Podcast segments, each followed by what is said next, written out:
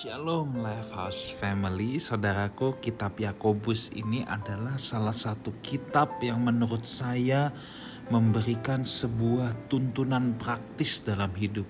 Tuntunan yang sangat praktis, aplikatif dan sangat menampar untuk saya ya.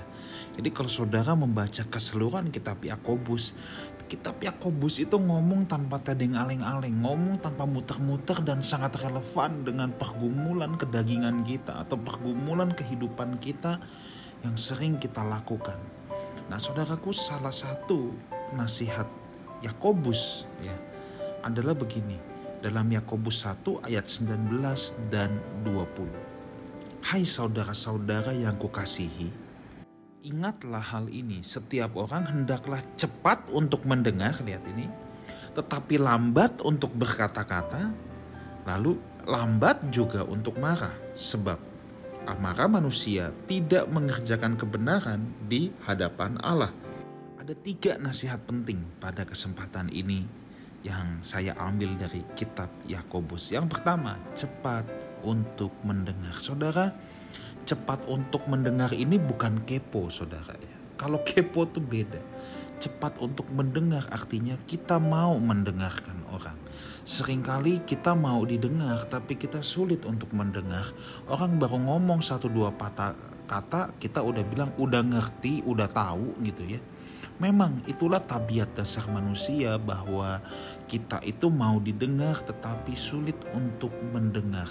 Dan satu hal yang saya pelajari baik di bangku konseling, kadangkala ada banyak orang yang konseling itu sebenarnya cuma satu, dia hanya ingin didengarkan. Jalan keluar mah dia sudah tahu. Dia hanya butuh didengarkan. Setiap manusia butuh didengarkan.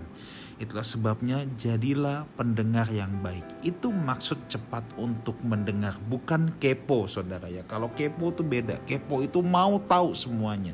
Ini bukan, tetapi ini adalah kita menyediakan telinga kita untuk mendengarkan orang lain. Dibutuhkan kerendahan hati, saudara, untuk kita bisa mendengarkan orang lain, tetapi lambat untuk berkata-kata. Nah, ini pesan yang kedua, lambat untuk berkata-kata. Ini artinya apa? Jangan banyak ngomong. Nah, di sini uh, kecenderungan manusia adalah sulit mendengarkan, maunya ngomong. Nah, sekarang sama Yakobus dibalik. Banyak mendengarkan, jangan banyak ngomong tuh.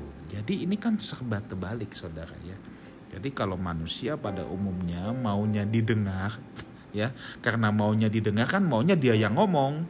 Tapi kalau Yakobus beda mengajarkannya siapin dong kuping untuk orang dan jangan banyak ngomong. Nah, dibutuhkan kerendahan hati untuk dua hal ini. Dan yang ketiga yang hebat dan juga lambat untuk marah. Jadi ini kan semua terbalik saudara. Kita punya kecenderungan cepat untuk marah. Tetapi kata Yakobus juga lambat untuk marah. Sebab apa? Amarah manusia tidak mengerjakan kebenaran di hadapan Allah. Nah ini yang paling banyak bilang pastor Yesus juga marah. Nah makanya kata Yakobus bilang ini bukan amarah Yesus. Tetapi amarah manusia tidak mengerjakan kebenaran di hadapan Allah. Bukan amarah Tuhan Yesus. Kalau amarah Tuhan Yesus mengerjakan kebenaran di hadapan Allah. Kenapa? Ya beda. Amarah Tuhan Yesus beda dengan amarah kita. Yesus marah bukan karena pribadinya dirugikan. Yesus marah bukan karena untuk kepentingan dirinya sendiri. Kalau kita marah biasanya karena pribadi kita yang dirugikan, makanya kita marah. Coba lihat, ketika Yesus marah, pasti bukan kepentingan dirinya. Ketika dirinya justru dianiaya, bahkan di atas kayu salib menjelang kematian, dia bukan marah, dia nggak pernah mengumpat dan ngata-ngatain orang-orang yang ada di situ, para perwira Romawi. Justru yang dia katakan adalah Bapa ampuni mereka sebab mereka tidak tahu apa yang mereka perbuat. Yesus marah ketika rumah bapaknya dijadikan sarang penyamun, tetapi ketika dirinya sendiri yang dirugikan, yang dianiaya, dia tidak pernah marah. Itulah sebabnya amarah Yesus mengerjakan kebenaran di hadapan Allah, tetapi amarah manusia tidak mengerjakan kebenaran di hadapan Allah. Yesus selalu marah pakai sebab. Manusia suka marah tanpa sebab.